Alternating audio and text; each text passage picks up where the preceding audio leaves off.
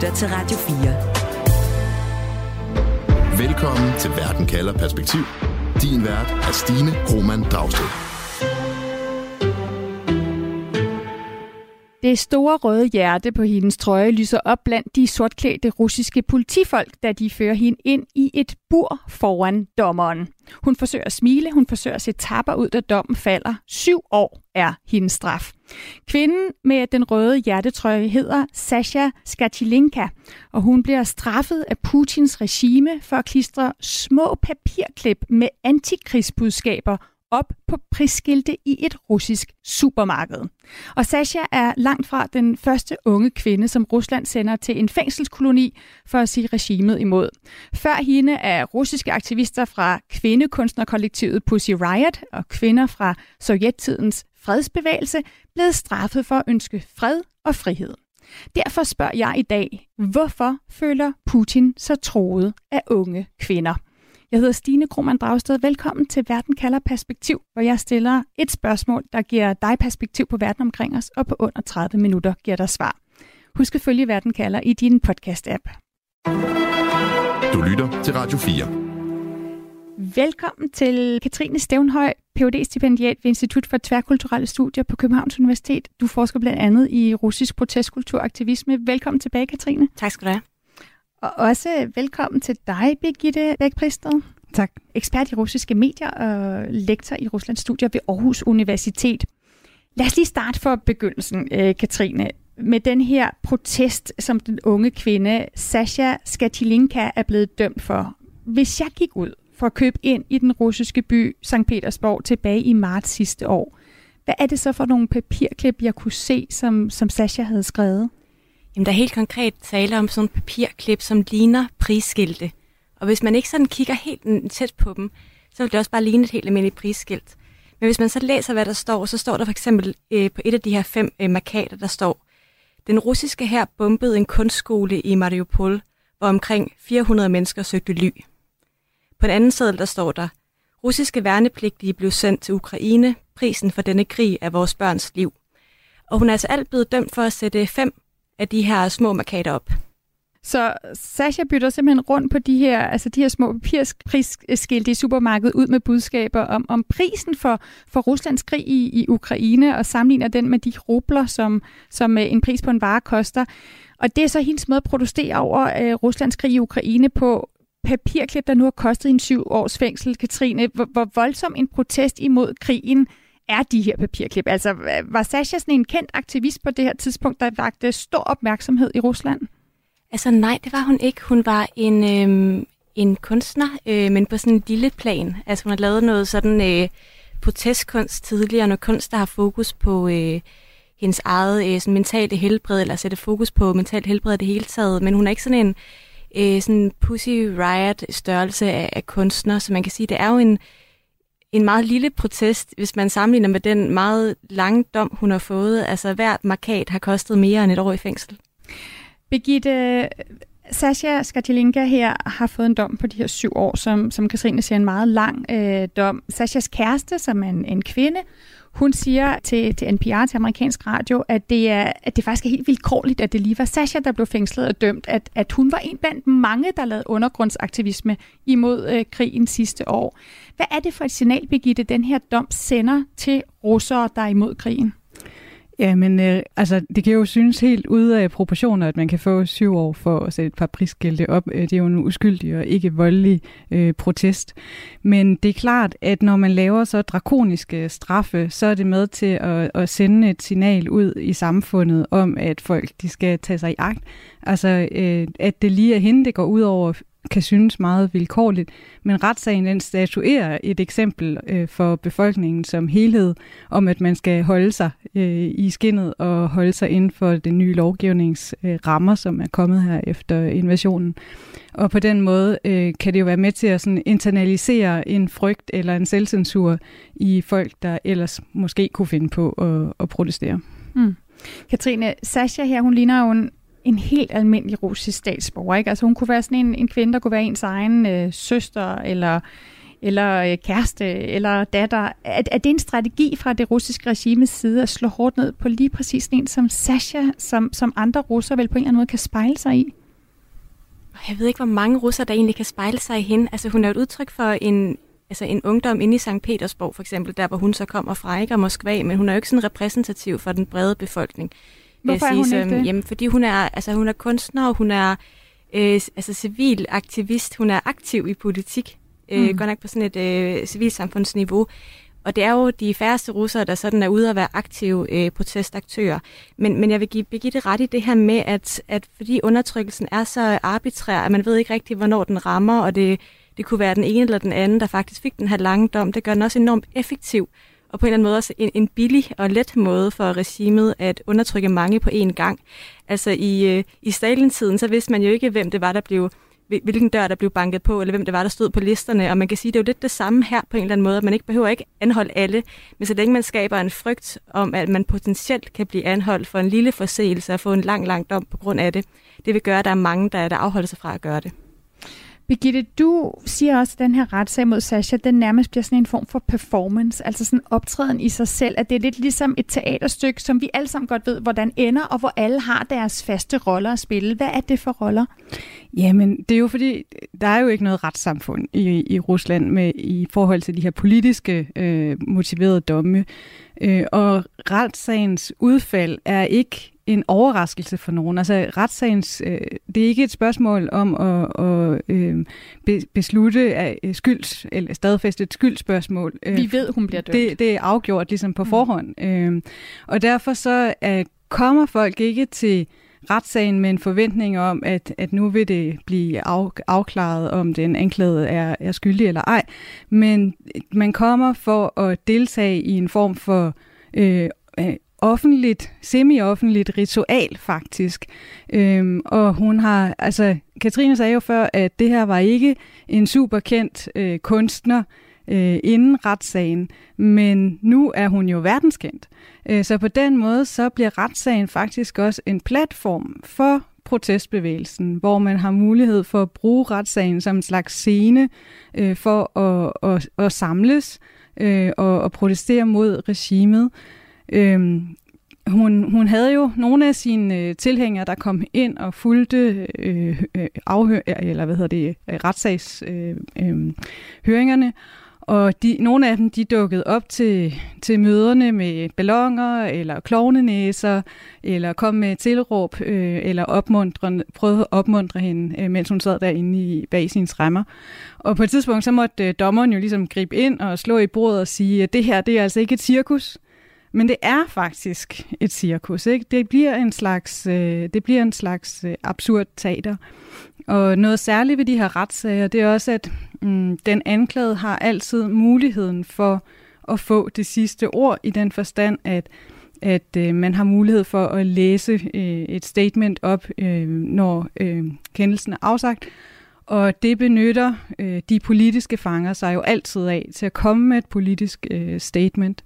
Og det gjorde Sasha også. Altså hun rejste sig op og sagde, at øh, selvom jeg sidder i fængsel, så er jeg friere end jer. Og hun, og hun sammenlignede selv sin retssag med, med en aprilsnar. Lad os lige prøve at høre, hvordan det lød, da Sasha netop blev ført ind foran dommeren for at få sin straf, og vi kan høre de her unge mennesker, der er der for at støtte hende i baggrunden. Det her det er et klip fra øh, BBC, fra deres korrespondent Steve Rosenberg, som også var ved retssagen.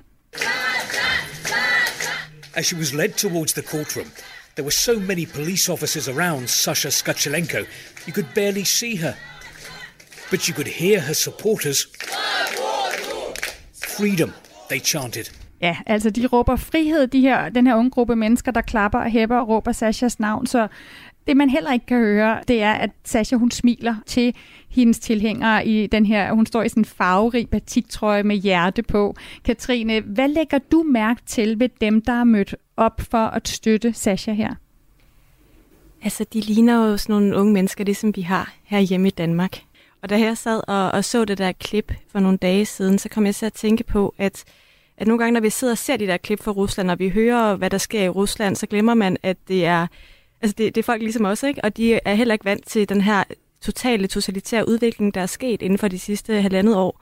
Altså selvom Rusland har været et hybridregime i lang tid, og der har været et virkelig snævert manøvrerum for civilsamfundet, så det er jo noget nyt, at det er blevet så farligt at ytre sin mening i Rusland. Det er noget nyt, at man ryger i fængsel i mange år for at lave sådan en lille protestaktion.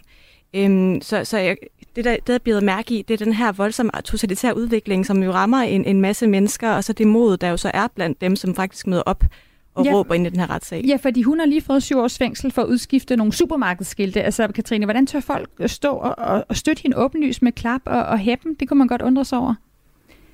Man kan sige, at der er jo en, en måde at omgå de her, den her lovgivning på. Altså, det er ikke sådan, at, at lige meget hvad man gør, så får man syv år i fængsel. Altså, der er jo faktisk nogle lovmæssige rammer, selvom at vi ikke vil kalde det noget frit retssystem, så er der jo faktisk nogle, nogle, nogle altså specifikke øh, ting, der gælder. Altså for eksempel så i løbet af den her retssag, så er der siddet sådan en eller anden lingvist og siddet og undersøgt, hvad det præcis er, hun har skrevet på de her sædler. Øhm, og vi vil jo nok betragte det som ganske uvidenskabeligt og ikke noget øh, rigtigt retsligt grundlag, men hvis man ikke går ind og direkte kritiserer øh, krigen, eller man ikke øh, siger de her forbudte ord, så kan man godt smyge sig uden om den drakoniske lovgivning, der er. Øh, men det kræver selvfølgelig en vis mod, og deres ansigter kommer jo på film, at de er derinde. Ikke? Så, så det er jo en bestemt lille minoritet af befolkningen, som tør ytre sig kritisk. Mm. Godt, lad os prøve at kigge på, hvad det er, de her ytringer, de, den her, de her kunstnere, den her kunstneriske aktivisme, hvorfor den er en trussel imod regimet i Rusland. Du lytter til Verden kalder på Radio 4.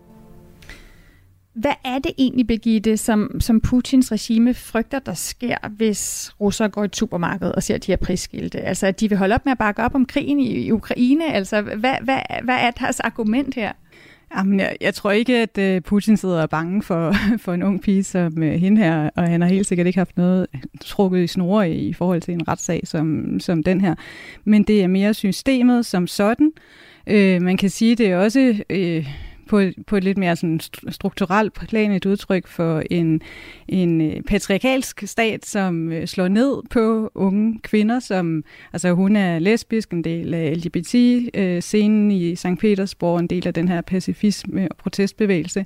Så hun, hun passer ikke ind i øh, systemets fortælling om neokonservative ortodoxe familieværdier og det kvindebillede, der, der hører til det. Så det er også en, en måde, at, at, at staten ligesom sådan af afretter øh, borgere, der, der afviger i, i den forstand. Mm. Katrine, hvorfor er det så, så farligt øh, for, for Putin og hans regime? Altså de her unge kvindelige kunstnere og aktivister, som for eksempel Sasha, som Pussy Riot, som, øh, gør, altså, som kræver øh, frihed og feminisme og, øh, og fred. Øh, hvad er det, der gør dem specielt farlige for regimet? Jeg vil ikke sige det specifikt af dem. Øhm, dem, der har et feministisk eller pacifistisk udtryk, det, det er det hele taget folk, der kritiserer krigen. Øhm, især sådan de, de pro-demokratiske, liberale stemmer, ikke? Og hvor man har kunne se tidligere, at der har været et vist sådan manøvrerum, for man har kunne udtrykke sig lidt kritisk. Der har ligesom været sådan nogle lommer af frihed, hvor folk har kritisere, uden det blev farligt, og så har man kanaliseret alt den øh, modstand ned i de lommer, og derved undgået de større protestbevægelser. Men, men i forbindelse med, med krigen, så har man jo indført nogle, altså en, nogle voldsomme tiltag for at lukke helt ned for de kritiske stemmer, og det vidner jo om, at man ikke længere vil øh, tolerere nogen form for, for modstand i samfundet. Det gælder altså også de her, de her små øh, aktivister. Jeg er enig i Birgitte med, at, at altså, man ikke... Øh, jeg tror ikke, Putin sidder og er bange for sådan en aktivist som hende, eller for, for andre øh, små civilsamfundsaktivister. Dem, som har mere betydning, det er sådan nogle byrådspolitikere og øh, større oppositionsstemmer. Øhm, men det virker til, at man har valgt en strategi, hvor man lukker ned for alt, alt mulig kritik, der er. Mm, jeg tænker bare på, at mange af de kvinder, vi har set, der har på en eller anden måde gjort en protest. Altså den øh, kvindelige journalist, der stod med et skilt øh, bagved og også blev dømt. Sasha her. Og mange andre er kvinder, og at der er jo også et eller andet ekstremt macho-udtryk i Putins form for styre og hele den her krig. Man kan måske også lige skyde uh, Daria Trepova ind. Hun er øh, en ung uh, kvinde i starten af 30'erne, tror jeg, uh, som hendes, hendes retssag kører, kører lige nu. Uh, hun er ikke kunstner, uh, men har lavet en radikal uh, terroraktion mod en russisk militærblokker, også i St. Petersborg, hvor hun gik uh, ind på en... Uh, café, mens han stod og holdt et øh, foredrag til Taske, hedder han. Og så afleverede hun en byste til ham. En gylden byste, der skulle ligne ham selv. øh, og skulle forære den som en slags fangave til ham, og så eksploderede den, øh, fordi den var fyldt med, med sprængstoffer. Så kan man kan sige, det er jo en, en meget koldblodig øh, og meget radikal, voldelig øh, terroraktion, øh, som hvor strafferammen jo så er op til, til 30 øh, års fængsel.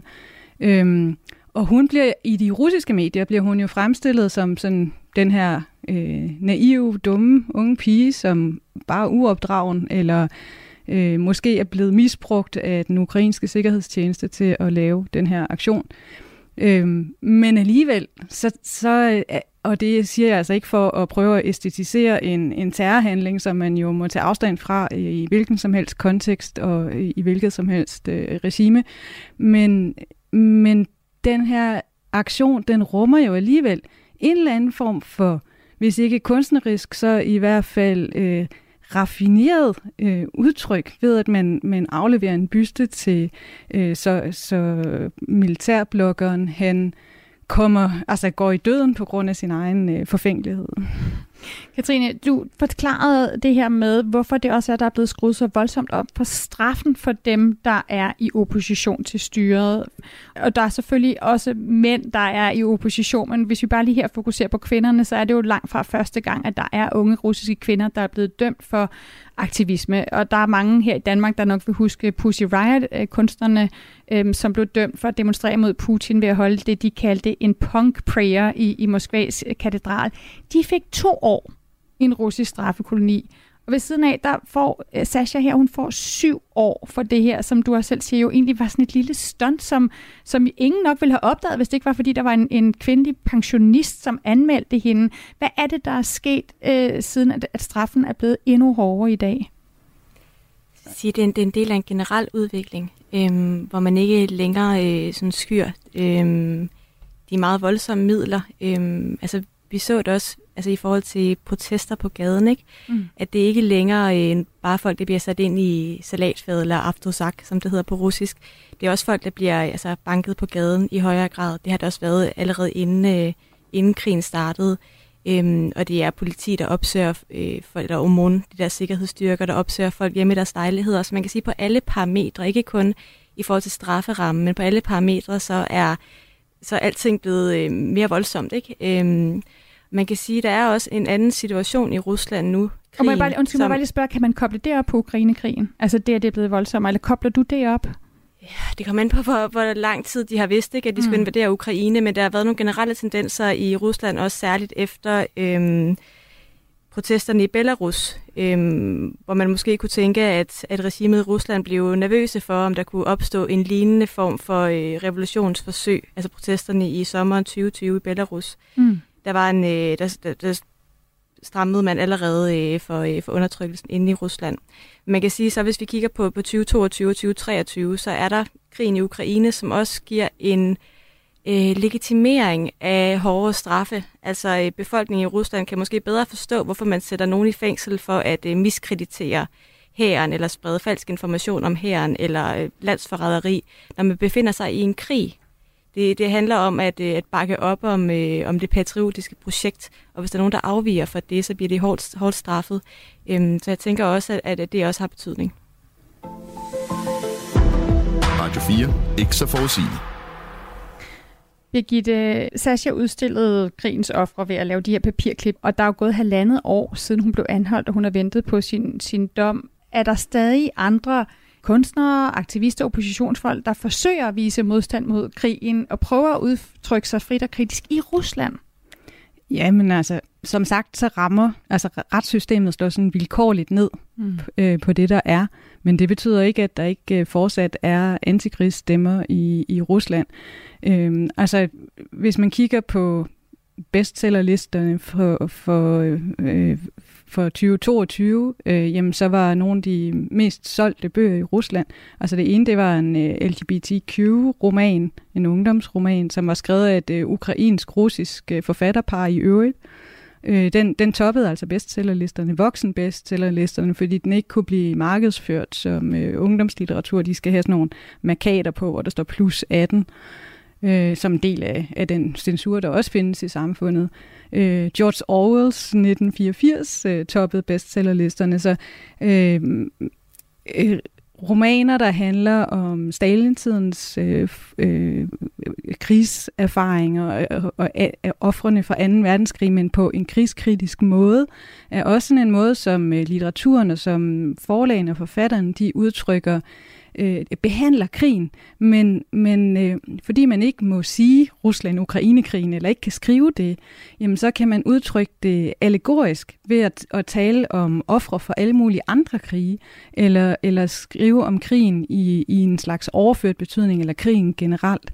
Og den type litteratur, den, den bliver fortsat markedsført på forlagenes hjemmesider som antikrigslitteratur. Og det står åbent på deres øh, altså på deres website. Så det er ikke sådan, at der ikke er noget rum i Rusland for at udtrykke øh, antikrigsstemmer. Det er bare øh, vilkårligt, om men lige præcis, altså om der bliver en sag ud af det, eller om der kommer en skandal ud af det, eller om man bliver ramt som forfatter, forelægger, kunstner, eller hvad det kan være. Og den der vilkårlighed, den skaber jo en enorm usikkerhed. Altså i, i sovjettiden, der havde man jo en, øh, altså en censurinstans, som kunne øh, skri, øh, strege ud i teksterne. Og her der er det ligesom øh, lagt ud, det er outsourcet til folk selv, at de aldrig kan vide, om de er indenfor eller uden for, for stregen. Så i princippet er alle skyldige, ikke? Og så, øh, og så skal man øh, passe på, at man ikke er den næste, der havner i, i fedtefad. Katrine, det her rum, som Begitte taler om, som der på en eller anden måde er, men hvor man ikke ved, hvem der vilkårligt bliver slået ned for, er det, altså, er det også det, vi ser i spil, når der så er en masse læger, 100 læger, der går ud og skriver under på, at øh, det er et problem at sende øh, Sasha her, den unge kvinde, den 33-årige kunstner her med papirklippene i fængsel, fordi hun jo har en, en hjertesygdom, og, og, og hun har allerede været ude for, at øh, hun går med sin hjertemonitor, at de her batterier ikke kunne blive opladet, når hun sad i de her lange retssager. Er det også en måde at prøve at vise en form for ytring på, uden at, blive, at der bliver stået hårdt ned fra regimets side? Ja, så det er nok også et udtryk for, at der faktisk findes nogen, der, der bekymrer sig for, hvad der foregår, øhm, og, og følger med i nyhederne, og, og bruger deres stemme på en måde, som den kan bruges. Altså, det, jeg ser det ikke nødvendigvis som en, som en krigskritik, men, men måske mere et forsøg på at øh, opretholde noget form for menneskelighed i, øh, i det retssamfund, som er ved at smuldre. Øhm, mm. Ja, men det er jo nok nogen, der på en eller anden måde er, er enige med hende. Når vi taler, Katrine, om, hvor godt det lykkedes at indføre censur og kontrollere kunstnere og opposition i Rusland, hvordan ser du så, når du kigger på medier og sociale medier også? Altså, kan russere stadig få adgang der til at finde øh, frie ytringer, til at finde kritik? Altså lidt det samme, som Birgitte siger, det her med, at man ikke helt ved, hvornår det rammer, og hvem det rammer, og hvilken statusopdatering, der bliver den sidste, før man får en dom. Øhm, når jeg sådan sidder på mine sociale medier, hvor jeg stadigvæk har nogle, nogle venner, som, som bor i Rusland, så kan jeg godt nogle gange blive overrasket over, hvad de skriver og hvad de deler. Øhm, når jeg tit læser om de her sager, hvor der er nogen, der bliver dømt, øh, bliver retsforfulgt på grund af det, øh, og jeg får lyst til at tænke, oh, pas nu på, ikke? Øhm, mm. men, men der er jo nogen, der udtrykker sig, øh, og nogen, som måske også tænker, at jeg, jeg kan ikke holde ud og leve i et samfund, hvor jeg ikke øh, på nogen måde kan, kan udtrykke mig. Derfor så, så tager jeg den, den risiko, øh, der er, løber den risiko, der er. Mm. Og Birgitte, da vi talte sammen tidligere i dag, der nævnte du jo også nogle af de fremtrædende oppositionspolitikere, der simpelthen er rejst tilbage til Rusland, velvidende, at de havner i, i fængsel. Og du nævnte også den her fremtrædende rolle, som øh, kvinder også før i tiden, i den sene sovjettid, har spillet i fredsbevægelsen. Er det her en protesttradition, der på en eller anden måde går i arv? Øh, ja, altså nu taler vi jo om unge kvinder. Altså øh, Sasha, der, hun er født i 1990, så hun har jo ikke nogen levede erindringer om sovjettiden overhovedet. Altså hun er jo barn af 90'erne, som var et enormt fattigt årti i, i Rusland, hvor økonomien var kollapset, og folk voksede op i fattigdom, men også i frihed. Og øh, hendes unge generation, øh, jeg vil ikke sige, at de sådan er determineret af et sovjetisk mindset eller noget som helst, men jeg tror, i den måde, som øh, protestbevægelsen agerer i dag, og i den retorik, der også øh, kommer til udtryk, og den måde, de optræder, for eksempel i retssager, øh, så trækker de helt klart på en arv fra dissidentbevægelsen, altså fra 70'erne og 80'ernes menneskerettighedsbevægelse i Sovjetunionen. Og øh, man kan ligesom se sådan, næsten sådan en intergenerationel øh, solidaritet øh, mellem, øh, mellem de store dissidenter, Sakharov og så videre, som de unge i dag. Øh, så, øh, så, så dyrker i dag næsten lidt ligesom øh, Bernie Sanders, han blev sådan populær blandt de, blandt de unge i USA. Det er måske en lidt upassende sammenligning, jeg ved det ikke. Katrine, øh, den øh, oppositionsbevægelse, du har, har forsket i, i, i noget tid, som nu jo er splittet, altså hvor der selvfølgelig findes noget tilbage i Rusland, men hvor mange jo også øh, sidder og, og er kritiske og ytrer sig udenfor. Hvor samlet står den nu, hvor vi har en ung kvinde som Sasha, der får syv år for at lave papirklip i et supermarked? Man kan nok tale om, om flere forskellige bevægelser, men jeg vil sige sådan en, den del af bevægelsen, som er de unge, øh, som, som er en del af den samme bevægelse som, som Sasha, de står samlet i øh, fordømmelsen af hendes øh, straf. Altså mm. på den måde, ikke? Men, men hvis man kigger på protestbevægelser i Rusland, og dem, især dem uden for Rusland i eksil, så er det en, enormt splittet, øh, og de de går efter nogle forskellige ideologiske mål øhm, og nogle forskellige metoder og nogle forskellige idéer om, hvad det er for et, øh, et Rusland, de ønsker sig. Ja, så det, der man skal i virkeligheden tale om, om mange forskellige øh, civilsamfundsbevægelser. Ikke? Man skal forestille sig et helt civilsamfund, som er blevet undertrykt i Rusland, eksisterer der stadigvæk, men, men i det skjulte, og så et, der forsøger at opblomstre uden for Rusland, men, men også lever under vanskelige kår i eksil. Du lytter til Radio 4. Og du lytter til Verden kalder, hvor jeg i dag spørger, hvorfor føler Putin sig troet af unge kvinder? For eksempel en ung kvinde som Sasha, der er blevet dømt syv år for at lave papirklip til et supermarked. Katrine Stævnhøj, hvad er dit svar på det spørgsmål? Jamen, jeg tror ikke, han føler sig troet præcis af hende, men det er et udtryk for en generel totalitær udvikling af samfundet, hvor man forsøger at, at sprede en frygt for at ytre sig. Birgitte Bæk hvorfor føler Putin sig troet af en ung kvinde som Sasha? Jamen, det korte svar på det, det må jo være, at han er en gammel mand. Og hvad mener du med det? At det er et, øh, et regime, som jo ikke har nogen øh, legitimitet øh, i, altså de har jo ikke opnået nogen legitimitet gennem øh, fredelige og færre valg. Øh, så derfor så, så, så for at opretholde sin egen øh, autoritet, jamen så kan det jo være nødvendigt at, at slå ned på folk, der repræsenterer noget andet end en selv. Katrine, tror du, vi kommer til at se flere af den her form for øh, voldsomme strafaktioner mod aktivister, mod kunstnere, mod kvinder? Ja, desværre. Birgitte? Ja, jeg tror heller ikke, vi har set slutningen på det her endnu. Tusind tak for at være med her i Verden kalder begge to. Altså tak til dig, Katrine Stævnhøj. Tak. phd stipendiat ved Institut for Tværkulturelle Studier ved Københavns Universitet. Og også tusind tak til dig, Birgitte. Velbekomme. Altså Birgitte Bæk Pristed, som er ekspert i ja, blandt andet russiske medier og lektor i Ruslands studier ved Aarhus Universitet.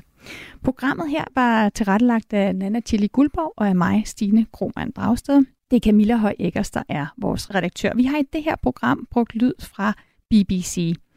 Husk, uanset hvad der sker, så kan du få svar på et afgørende spørgsmål lige her i Verden kalder med mig, Stine Krohmann Dragsted. Det er mandag og torsdag, jeg sender live. Først en aktuel sag i Verden kalder, og så Verden kalder perspektiv, hvor jeg sætter et spørgsmål om verden ind i en større sammenhæng for at give dig svar. Og du kan jo altid finde Verden kalder som podcast. Du har lyttet til en podcast fra Radio 4. Find flere episoder i vores app, eller der, hvor du lytter til podcast. Radio 4. Ikke så forudsigeligt.